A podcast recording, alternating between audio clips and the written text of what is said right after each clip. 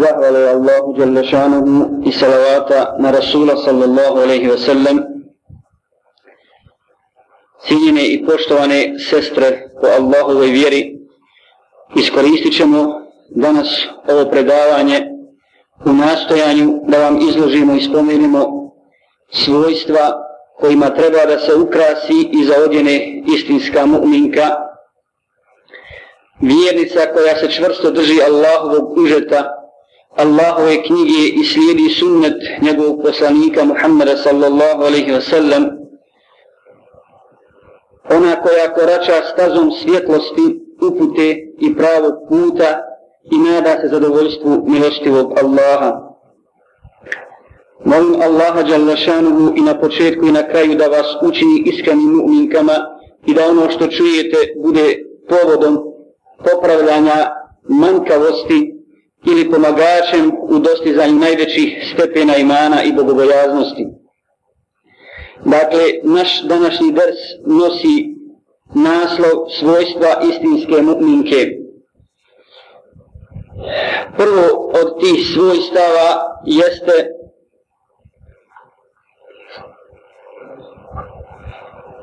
istinska mu'minka voli Allaha Đalešanuhu i njegovog poslanika Muhammeda sallallahu alaihi ve sellem više od bilo koga i bilo čega. Dakle, to je njeno prvo svojstvo.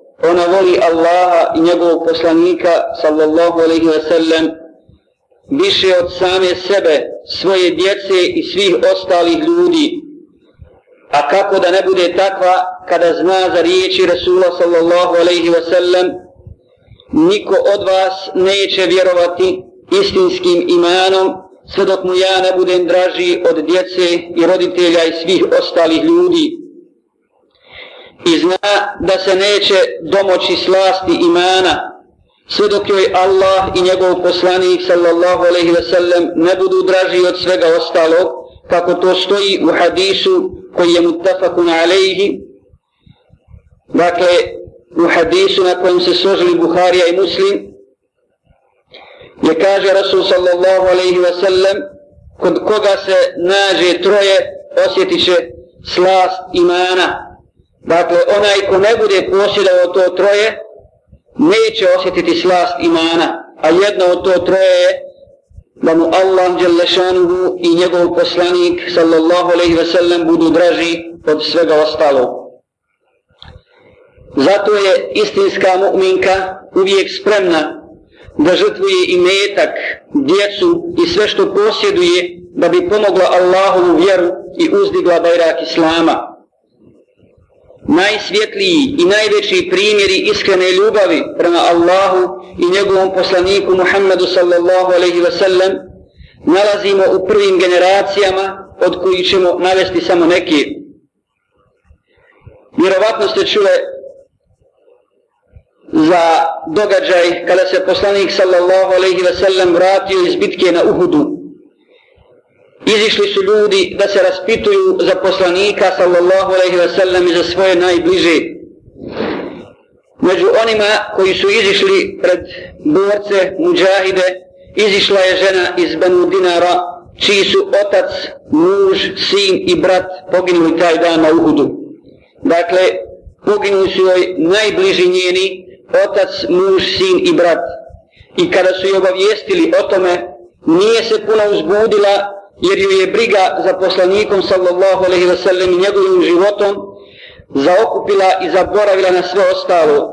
I kada ga je vidjela rekla je zaista je svaka nesreća nakon tebe lahka. Dakle kad tebe vidim živog sve, svaki musibet i svaka nesreća koja me pogodi je lahka.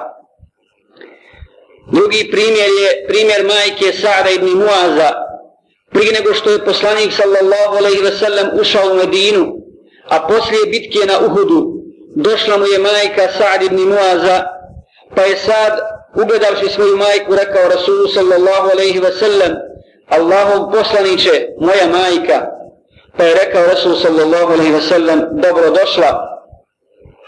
I nakon što se približila poslaniku, alaihi salatu wassalam, on je izrazio svoje saosjećanje i saučešće zbog njenog sina, Amra ibn Muaza, koji je poginuo taj dan, a imao je 32 godine, a ona je rekla, nakon što sam tebe vidjela živog i zdravog, lakše mi je podnositi ovaj musibet i ovo iskušenje.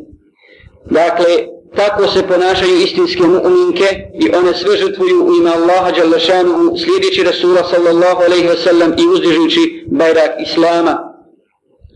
Druga osobina i drugo svojstvo istinske mu'minke jeste da se ona pokorava Allahu i poslaniku sallallahu alaihi ve, sallam, sallallahu alaihi ve sellem.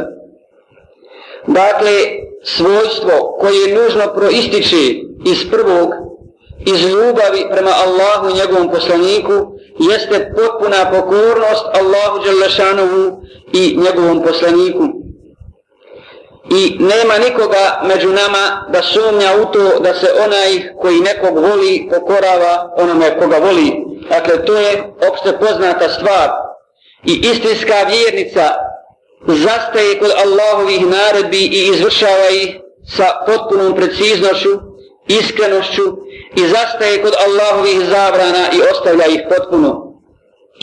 Zato kad je u pitanju slijedženje i pokoravanje poslaniku sallallahu alaihi wa sallam, Allah jalanuhu u suri Ali Imran kaže, A'udhu billahi min ash-shaytan ar-rajim, قل إن كنتم تحبون الله فاتبعوني يهببكم الله ويغفر لكم ذنوبكم Reci, ako Allaha volite, onda mene slijedite, pa će vas Allah voljeti i grijehe vam, i grijehe vam oprostiti. Navešćemo primjer cijene sestre sa Rasulom sallallahu alaihi wa sallam kada je otišao da za svoga slugu Zaid ibn Haritha isprosi Zaynebu bintu Đahš. Ona je to odbila i rekla neću se udati za njega zato što sam ja po porijeklu bolja od njega. Pa je rekao Rasul sallallahu alaihi ve sellem, nego šta nego ćeš se udati za njega. Dok su tako razgovarali, Allah Đelešanu je objavio ajet, ما كان لمؤمن ولا مؤمنة إذا قضى الله ورسوله أمرا أن يكون لهم الخيرة من أمرهم ومن يعص الله ورسوله فقد ضل ضلالا مبينا nemaju pravo ni mu'min ni mu'minka kada Allah i njegov sanik nešto odrede i narede da se suprostave to i naredbi a onaj ko griješi prema Allahu Đelešanu, ko je nepokoran Allahu njegovom poslaniku on je zaista u jasnoj zabludi. Pa je rekla nakon toga Zeynep bintu Đahš jesi li ti o Allahu poslaniće zadovoljan da mi on bude muž? A on je odgovorio jesam. Pa je rekla, dobro, neću biti onda neposlušna Allahovom poslaniku. I Allah ju je još na dunjalku nagradio za svu njenu pokornost i poslušnost, tako da kada je Jezid razvao, oženio je Allahov poslanik sallallahu alaihi ve sellem, dakle najbolje stvorenje na zemlji i najbolji poslanik. I imali, imali bolje nagrade za vjernicu na ovome svijetu, dakle na dunjalku, od toga da bude žena Allahovom poslaniku Muhammedu sallallahu alaihi ve sellem. Zato istinska mu'minka, istinska vjernica, kada joj dođe naredba od Allaha i poslanika sallallahu alaihi ve sellem, pokorava mu se i predaje, pa makar se to ne slagalo sa prohtjevima njene duše. Međutim, malo je žena muslimanki koje daju prednost Allahovoj naredbi, i naredbi poslanika sallallahu alaihi ve sellem na svojom strasti. A u hadisu stoji da je rekao poslanik sallallahu alaihi ve sellem nećete biti istinski mu'mini dok vam strast ne bude slijedila ono sa čime sam došao. Dakle, to je druga od osobina koje trebaju da krase istinsku mu'minku. Treća osobina je istinske mu'minke, da je ona bogobojazna, skrušena pred Allahom, skromna i zadovoljna sa malo dunjaluka. Istinska vjernica je bogobojazna, čestita i ona poznaje stvarnost dunjaluka i prema njemu se tako obhodi i odnosi, zapostavljajući njegove ukrase, a okreće se ahiretu sa, sa pripremljenom poputvinom. Dakle, ono što ona želi jeste ahiret i Allahovo zadovoljstvo, ugledajući se na one koje su je pretekle u hajru i dobru, Mi ćemo spomenuti neke primjere ali ovdje, ovdje mi je naumpao samo primjer Asije, žene faraona, koja je imala ono što je željela od Dunjaluka, dakle što bi god poželi, sigurno bi joj priuštio i donio. Međutim, ona je bila mu'minka u Allaha, a kafir u faraona. I ne samo da joj nije dao Dunjaluk, nego ju je mučio i patio, pa je tako jednog dana golu izveo na vruć pjesak i raskovao je, a ona se smijala dok su je oni, dok su je oni udarali. I on je rekao, vidi budale, smije se, a mi je mučimo, a nije znao, nije znao kafir zbog čega se smije, a meleki su, meleki su već bili došli da je obavijeste o džennetu, da je obavijeste o njenom mjestu u džennetu i ona ga je već vidjela.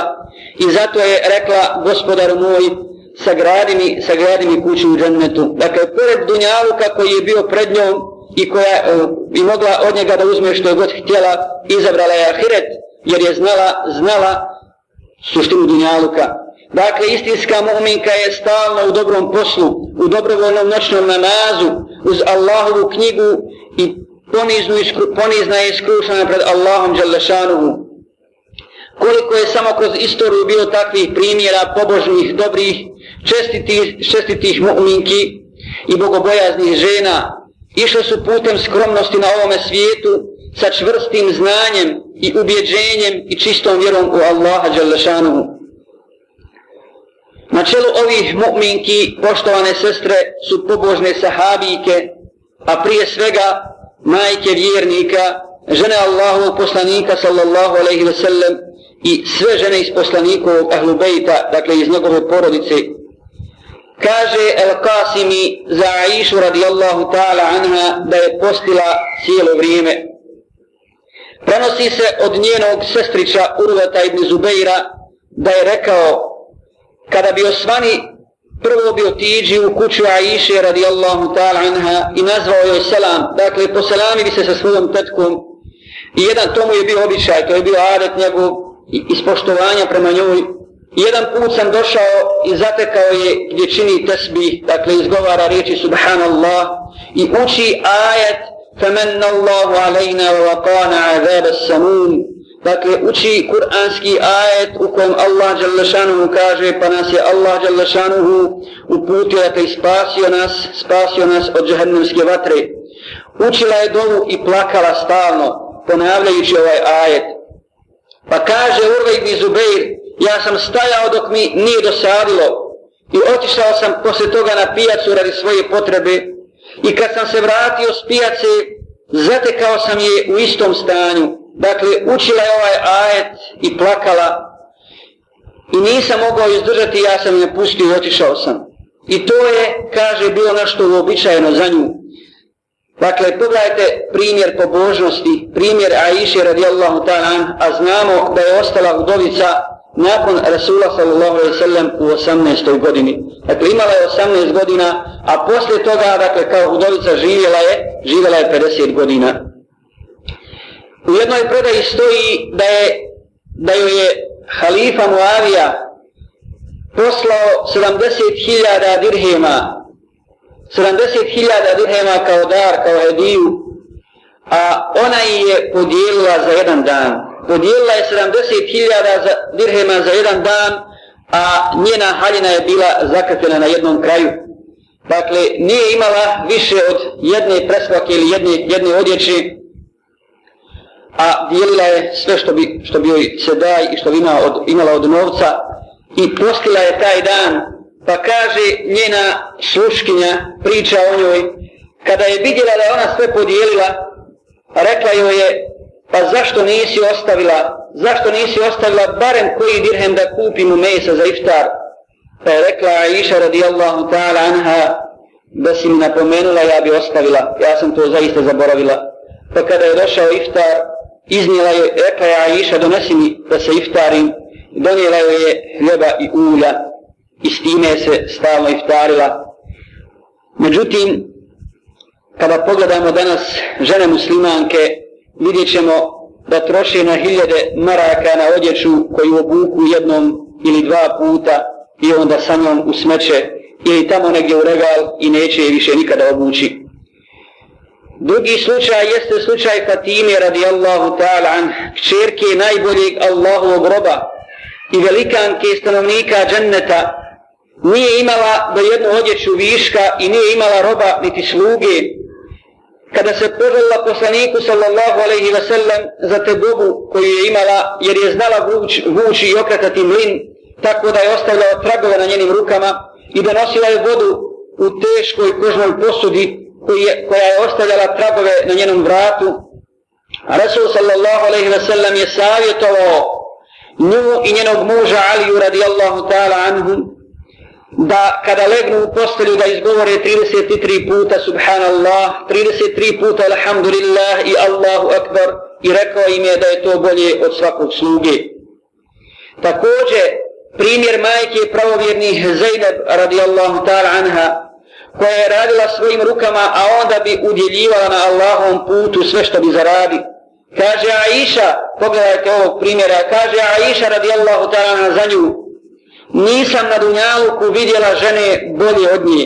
Zatim je opisuje i kaže, bila je bogobojaznija, iskrenija u govoru, više je održavala rodbinske veze, udjeljivala i žrtvovala u radu, od čije zarade udjeljivala i približavala se Allahu Đelešanuhu od mene. Dakle, znamo koja je Iša, ali pogledajte kako opisuje, kako opisuje drugu ženu Rasula sallallahu alaihi ve sellem, bez imalo ljubomore, nego iskreno je opisuje i kaže da je u svim tim ibadetima, u svim dobrim djelima bila bolja od njih. Zato ocenjena sestro, koliko li je samo muslimanki obmanuto ovim dunjalukom i nastoji da njegov namještaj u kući bude najljepši, da bude najbolji i kada bismo poredili ovo sa stanjem sahabijki i majki pravovjerni, vidjeli bi u istinu veliku razliku. Zato kaže Hasan, kaže Hasan Basri, ulazio sam u kuće žena Allahovog poslanika sallallahu alaihi ve sellem u vrijeme halife Uthmana i doticao sam njihov krov rukom. I kada je halifa Al-Velid naredio da se poruše kuće i da se taj prostor pripoji mesčidu, rekao je Sejid ibn Musayyab da Bog do nisu srušene, nego da su ostavljene, ne bili se ljudi pri gradnji zaustavili i pogledali sa čime je to Allah bio zadovoljan kod svog poslanika sallallahu alaihi ve sellem, a ključevi Dunjaluka su bili u njegovoj ruci. Ako pogledamo na njihov život, vidjet ćemo zadivljujuće primjere bogobojaznosti, časitosti i natjecanja u dobru i borbe za ahiret. A iša radijallahu ta'ala anha je svome sestriću Urvetu taj život opisala i kaže Sine moje sestre, znali smo čekati mlađak, zatim drugi mlađak, zatim treći mlađak, a u poslanikovim kućama se ne bi upali vatra. Pa je rekao Urve, o tetka, pa od čega ste onda živjeli? A ona je rekla, živjeli smo od crnine, odakle od nečeg od dvoje crni, od vode i od hurmi. A poslanik sallallahu alejhi ve sellem je pored toga imao neke ensarije koji su mu davali novce da ih pomuze i on bi nas napoji tim mlijekom. Dakle, ovaj primjer i ovi primjeri su i ove primjere su slijedile mnoge čestite mu'minke i skromne žene. Prenosi Buhari da je poslanik alejhi došao kod žena poslije Bajra namaza i savjetao ih da udjele sadaku, pa su one počele trgati ogrlice, minđuše, narukvice, prstenje i bacale ih u Bilalovu odjeću, u Bilalov haljetak koji on postavio za to. Dakle, natjecali su se u, u, u dobru i koja je to mehkoća srca koja brzina u odazivanju Allahovoj naredbi i naredbi njegovog poslanika Muhammeda sallallahu alaihi ve sellem i koje je natjecanje u dobru i žudnje i žudnja da se zadobije Allahovo zadovoljstvo i njegova milost. Zar nam nije dovoljno da navedemo primjer pored dakle sahabijki, pored tabijinki i tabi tabijinki ima mnogo drugih žena čije bismo primjere mogli, mogli isticati ali nam je dovoljno da navedemo primjer Fatime bintu Abdullah, Abdul Malik, žene najpravednijeg halife posle četvorice pravednih halifa, dakle čovjeka kojeg smatraju islamski učenjaci petim pravednim halifom, Omara ibn Abdul Aziza, a bila je sestra četvorice halifa Velida ibn Abdul Melika Sulejmana Jezida i Hišama, izišla iz očeve kuće u kuću muža, noseći sa sobom nešto najskuplje što žena može posjedovati na licu zemlje od nakita i dragulja i kaže se da su u tom nakitu bile, dakle od vrijednosti, čak i ninđuše Marije, neke Marije izvjesne koja je bila poznata u istoriji kao bogata žena, koje su bile poznate dakle, u istoriji, a samo jedna od tih minđuša vrijedila je koliko čitavo to blago. I u, kuću, u kući oca živjela je u blagodati i u žitku kojem nije bilo ravnog na zemlji. Međutim, nakon što se udala, zadovoljila se time da je njen muž trošio nekoliko dirhema na dan. Nije mu se suprostavljala, nego je prihvatila novi način života s potpunim zadovoljstvom, zadovoljstvo koje je našla u kući svoga muža i slast imana koji je, koji je ispunjavao njenu dušu i njen dom, bili su joj draži od dragulja i blaga. Čak šta više, njen muž, Omer ibn Abdulaziz, joj je predložio da sav svoj imetak, pošto znamo da u islamu žena ima pravo i slobodno raspolaže sa svojim imetkom kojeg donese od svoga oca ili koje neko pokloni, predložio je muž Omer ibn Abdulaziz da sav svoj imetak da u državnu kasu, u državnu blagajnu, kako bi se nahranili i pomogli mnogi muškarci, siromašni i žene i djeca, na što je ona bez ikakvog prigovora pristala i sav svoj imetak i svo to bogatstvo dala je u Bejtul Mal. I u stopu je pratila svog muža u pokornosti Allahu Đalešanu i bogobojaznosti. Nakon smrti njenog muža, Omara ibn Aziza, za halifu je došao njen brat Jezid ibn Abdul Melik. I onda je došao svojoj sestri Fatimi i rekao joj, o Fatima, ja sam siguran i ubijeđen da je tebe Omer silom natjerao, silom natjerao da daš to bogatstvo i taj metak u Bejtul Mal. Jer ti si mu bila žena i pokoravala si mu se, pa si to morala učiniti. A ja ti sad nudim, jer sam ja halifa, ako hoćeš da ti vratim taj metak, da vratim to blago koje si posjedovala, da ga ponovo imaš kod sebe. Pa je zaplakala ova pobožna žena i rekla je, slušaj brate, tako mi Allaha, ti znaš da sam mu bila pokorna dok je bio živ, ime Allaha Đalešanuhu i ne dolikuje mi ništa drugo osim da mu budem pokorna i kad je mrtav. Dakle, to su istinski i lijepi primjeri istinske bogobojaznosti i pokornosti i ljubavi prema Allahu Đelešanu njegovom poslaniku Muhammedu sallallahu alaihi ve sellem. Sljedeća od osobina koju ćemo navesti jeste da istinska vjernica je dobročinitelj prema roditeljima i čini sve da oni budu zadovoljni. Fakada rabbuka alla ta'budu illa iyyahu wa bil walidaini ihsana Allah Đalešanu naređuje da se gospodaru svome klanjaš, klanjate i da roditeljima dobročinstvo činite. Dakle, mu'minka svojim roditeljima govori blage riječi, one su popraćene poštovanjem, ne podiže glas u razgovoru sa njima i ne pretiče ih u govoru, ne pretiče ih na mjestu ili u hodu, ne daje prednost svom mišljenju nad njihovim mišljenjem, niti svojoj potrebi nad njihovom potrebom ponizna je pred njima i pokorava se onome što naredi ako nije grije. Ako oni griješi i odstupaju od onoga što je Allah naredio, čini im dobročinstvo i poziva ih na najljepši način sa blagošću i samilošću. Primjer, zato je primjer kćerke Nuha ibn Marijem, koja je rekla svome ocu, ja sam tvoja kćerka i tebi prepuštam svoju stvar, ne želim da ti budem nepokorna i da ti se suprostavljam i zadovoljan sam, zadovoljan sam sebi ono sa čime si ti meni zadovoljan. Dakle, istinska mu'minka poštiva, voli i cijeni svoje roditelje i njihove potrebe stavlja iznad svojih potreba. Međutim, kod nas nije tako, nego imamo mnogo primjera suprostavljanja roditeljima, a ja bih posebno skrenuo pažnju na naše vrijeme, u vrijeme kada ima mnogo omladine, mnogo mladića i djevojaka koji se vraćaju Allahu i vjeri, prihvataju istinu, prihvataju islam, međutim ne imaju dovoljno razumijevanja za svoje roditelje koji su griješnici, koji su daleko od Allahove istine, pa su grubi prema njima i često puta oni budu uzrok da roditelji ne primije davu. Takvih primjera je zaista mnogo, a najveći problem i najbolji primjer za to jeste primjer kad sestra hoće da se uda ili brat hoće da se oženi. Imali smo dosta takvih slučajeva, uvijek i redovno kad se hoće uzeti, sestra poručuje i kaže ja nemam velija, samo da bi se što prije udala. Moj otac je džahil, moj otac je nevjernik, moj otac ne klanja i tako dalje i tako dalje. I grubo se odnosi prema njemu i onda Allah Đalešanuhu znajući šta je u njihovim prsima ne da im bereket, ne da bereket i često puta zbog toga ni dava, ni dava drugim ljudima ne uspijeva zbog neposlušnosti prema roditeljima. Peta stvar ili peta osobina jeste da istinska mu'minka je pokorna svome mužu i povjerljiva je u njegovoj kući, u njegovom imetku, u njegovoj časti i ona je ta koja prima savjet i savjetuje svoga muža.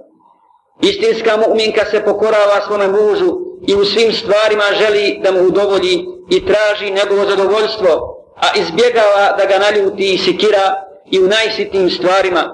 Poznate su i riječi poslanika sallallahu alaihi ve sellem, žena koja klanja pet namaza i koja čuva svoje stidno mjesto i pokorava se mužu, ući će u džennet na koja hoće vrata. Ovaj hadis bilježi Ibn Hibban u svom sahihu. Dakle, ona daje pravo mužu nad svojim pravom i pravom svojih bližnjih i ne podiže glas pred njim i ne omalovažava ga, ne izigrava se s njim, nego ga cijeni i poštuje u ime Allaha Đalešanuhu. Ja bi samo naveo zbog toga što mi živimo u takvom vaktu, alhamdulillah, kod nas nije tako, ali kod većine ljudi i onih koji sebe nazivaju muslimanima, a koji mi nazivamo džahilima, da koji ne poznaju Allahu, istinu je situacija jako teška. Mi znamo koliko su teški slučajevi u brakovima, koliko nepoštivanja, koliko svađa, koliko brakolomstava i tako dalje. Ja ću samo navesti jedan primjer kojeg mi je ispričao jedan brat u Sarajevu. Kaže, ženio se ovaj brat i sreo je svog kolegu koji je daleko od Islama, a koji se već davno bio ženio, pa kad je vidio kako ovog brata njega žena poštuje i on je pričao o tome, kaže, vallahi ja, mene žena uvijek isprati sa osmijehom iz kuće i dočeka me sa osmijehom, lijepo se napravo meni ponaša, a kada ja to od nje ne tražim, ja to od nje ne tražim i kada to je nekako meni drago, lijepo mi srcu u duši, pa je ovaj, pa je ovaj njegov kolega na to dodao, kaže subhanallah, kako neće biti drago, to je svakom drago, to svak želi od svoje žene, ali kod mene nije tako, pa kaže kako je kod tebe, vallahi kada ja svoje ženi ništa ne vjerujem, ja joj dam da plati struju, pare za struju, ona sebi kupi cipele ili haljinu i kaže dođe, šta si uradila, jesi platila struju, kaže vallahi nisam, kupila sam to, to je potrebno, hajde platit ćemo, a ja više nemam ni dinara u džepu. Dakle, ne smiješ joj povjeriti ništa, a kamo da te dočeka lijepo, ili da ti, da ti kaže lijepu riječ, da te upozori na grešku prema Allahu Želešanu i tako dalje. Dakle, žena mu'minka nije takva, nego prelazi preko njegovih grešaka, imana, ne govori pred njim ono što on ne voli, šuti kada on govori, iz poštovanja prema njemu ne prepire se sa njim i ne miješa se u stvari koje ne interesuju. Ispraća ga kada izlazi iz kuće, a kada dolazi ustaje da ga dočeka sa osmijevom iskazujući svoju plemenitost i poštovanje. Žena mu'minka se ukrašava i dotjerava i uljepšava i miriše samo za svog muža. I sve to radi u njegovom prisustvu, a kada njega nema to ne radi jer joj je zabranjeno da se ukrašava osim mužu. A danas je sasvim drugačija situacija, sasvim obrnuto. Žena se uopće ne ukrašava niti uljepšava niti želi da bude privlačna za svoga muža, da njega, da njega zadovolji naprotiv, muža isprati na posao, a onda se ona našminka dotira i izlazi, izlazi u čaršiju, sačuva nas Allah od toga. Navešćemo samo primjer Šurejha El Kadija, koji spominje kakav je bio postupak njegove vjerenice, odnosno njegove supruge kada je doveo kući. Pa on priča, dakle, pustit ćemo ga da nam ispriča taj svoj događaj kako bi izvu, slučaj kako bi izvukli pouku iz toga.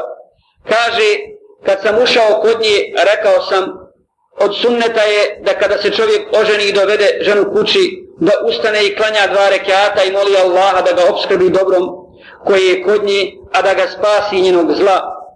Pa sam se digao i abdestio, kad eto ti i nje i abdesti se i klanjali smo dva rekiata i kad sam sklanjao, onda je ona uzela moju odjeću i zaogrnula me drugom odjećom namisanom šafranom kada su se ljudi razišli i kada smo nas dvoje ostali sami, približio sam joj se i pružio svoju ruku prema prednjem dijelu njene glave, pa je rekla, pola koje bumeje. Zatim reče, hvala Allahu, zahvaljujem mu i od njega tražim pomoć i oprost. Neka je salavat na Rasula sallallahu alaihi ve sellem, a zatim kaže, ja sam žena strankinja kojoj nije poznata tvoja čud, zato mi objasni šta voliš kako bi to radila i objasni mi šta mrziš kako bi se toga klonula.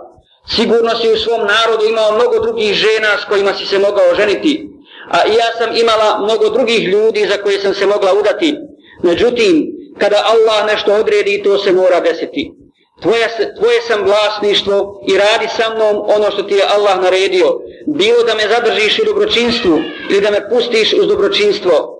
Kažem ovo i molim Allaha da oprosti i meni i tebi i svim muslimanima. Dakle, pogledajte šta govori čestita muminka prve braši noći. Održala je ders i to kakav ders svome mužu. Pa sam rekao, alhamdulillah, rekla si riječi na kojima ako ostaneš to će za mene biti velika sreća. A ako ih pogaziš to će biti dokaz protiv tebe. Pa je rekao volim to i to, mrzim to i to. Ono što vidiš od dobra sa moje strane čuvaj ga a ono što vidiš od zla sakri ga. Reče kako ti se sviđa moja familija? Dakle pitala je kako ti se sviđa moja familija? Kakvi, kakve odnose želiš da uspostavimo sa familijom? Pa je rekao volim da mi ne dosađuju, dakle neka ne dosađuju plaho. Pa je rekla, koga od komšiluka želiš da primim u kuću, kaži mi, dakle i kad si ti odsutan, koju ženu iz komšiluka mogu primiti ti poznaješ, a koju ne, pa da i ne primim. Pa joj je to sve rekao. Dakle, to je prava istinska mu'minka koja u ime Allaha Đalešanu želi da harmonija vlada njenom braku i da poštire sluša svoga muža. Gazalija bilježi slučajeve Selefa, kaže, kod njih bi žena, reci svome mužu kada bi iziđi iz kuće, kada bi otiđi da traži obskrbu koju mu je Allah Želešanov odredio i podario, reci bi mu, teško tebi, ne donosi nam haram, hranu u kuću, jer ja mogu trpiti glad, ali ne mogu trpiti džahennemsku vatru.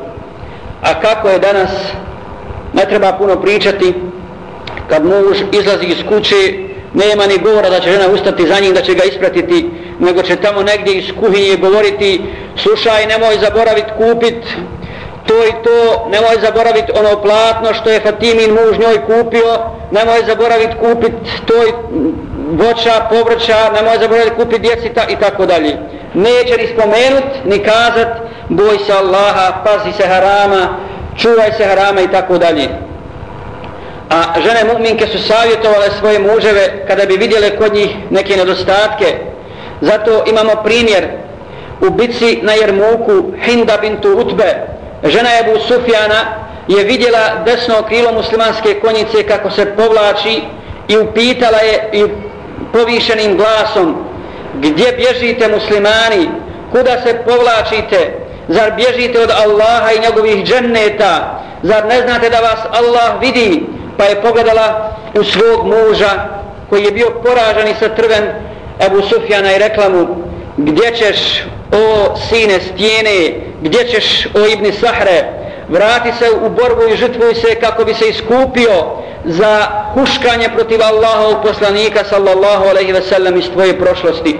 I kaže Zubeir ibn Awam radijallahu ta'ala anhu majma'in kada sam čuo ovaj govor Hinde posjetio sam se Uhuda kada je ona to isto učinila posjećući mušrike na borbu i kaže nastavila je Hind da bodri muslimane u ovoj bici na Jermuku dok nismo porazili Rimljane.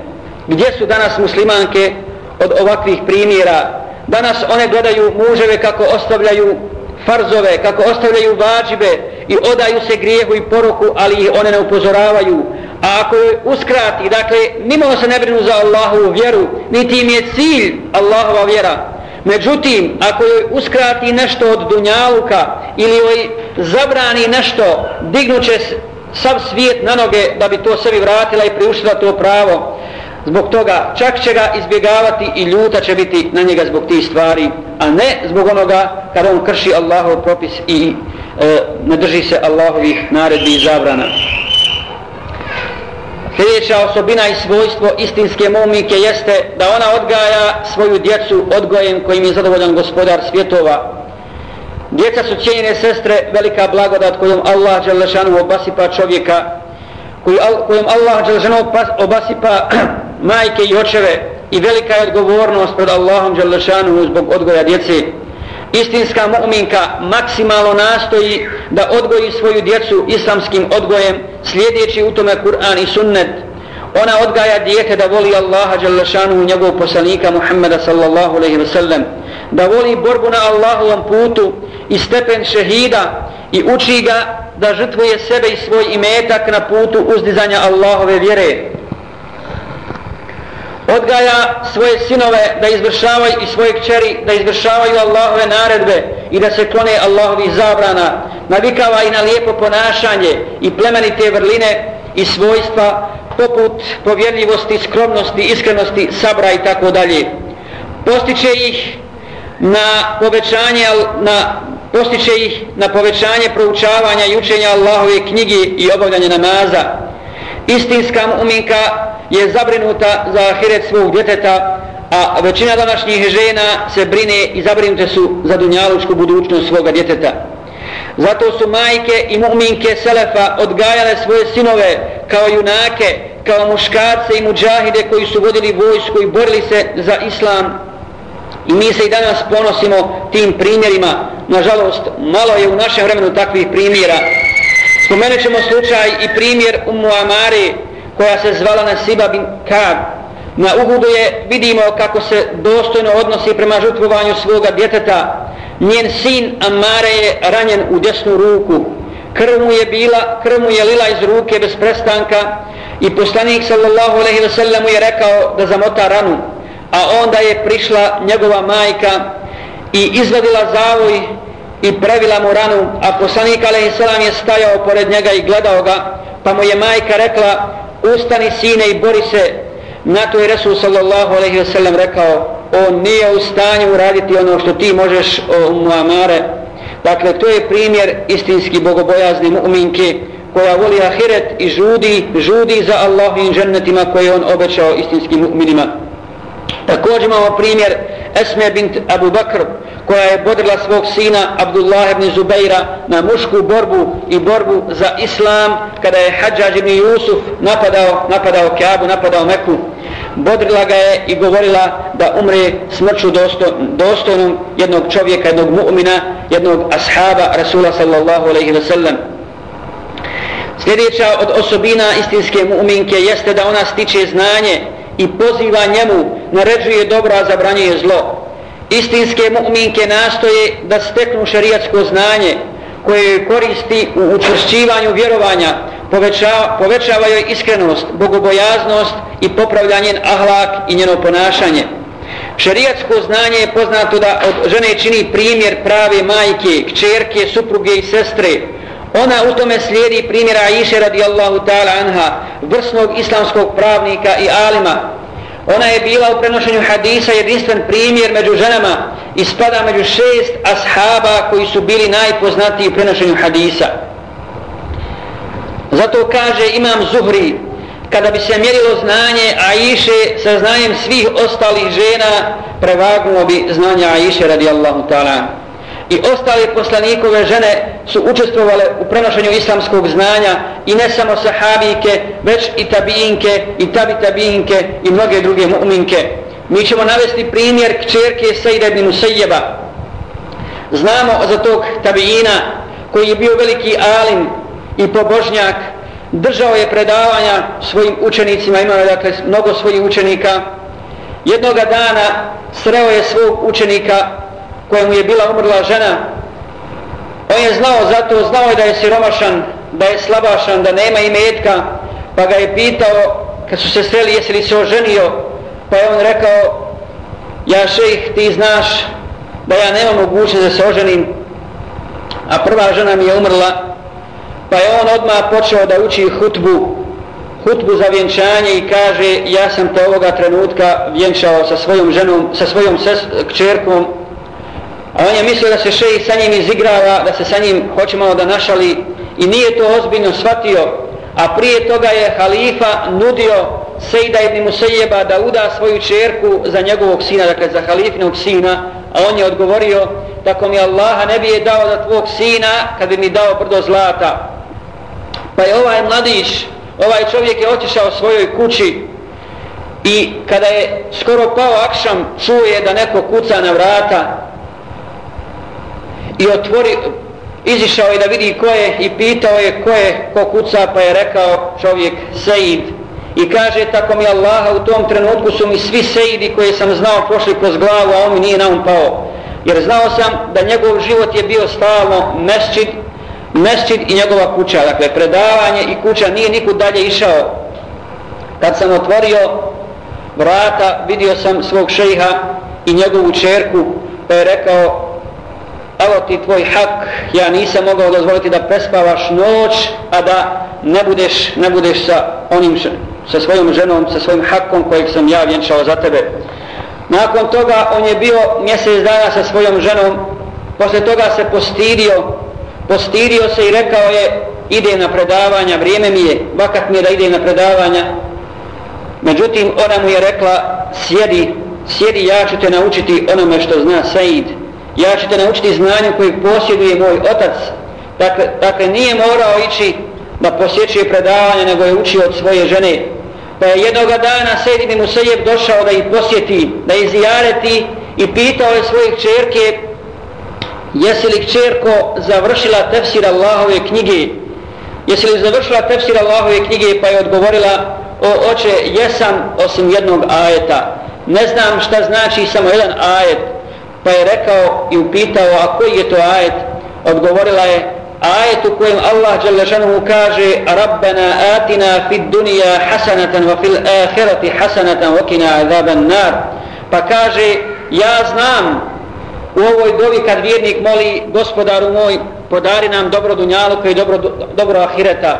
Ja znam da je dobro ahireta džennet a ne znam oče šta je dobro dunjaluka koje je to dunjalučko dobro za koje vjernik moli Allaha? Pa je rekao njen otac o čerko dobro dunjaluka je čestita žena. Dakle to je primjer prave čestite mu'minke koja je odana Allahu Đelešanu. ona uči znanje i prenosi ga i čak uči i podučava svog muža i svoju porodicu tako da njen muž nije morao ići dalje iz svoje kuće da bi tražio islamsko znanje. Žena, pored toga što je potrebna da uči, potrebno da prenosi znanje, potrebno je da bude daija. Mi znamo za slučaj osvajanja Mekije kada je Rasul sallallahu alaihi wa sallam ušao u Meku pobjedonosno sa svojom vojskom.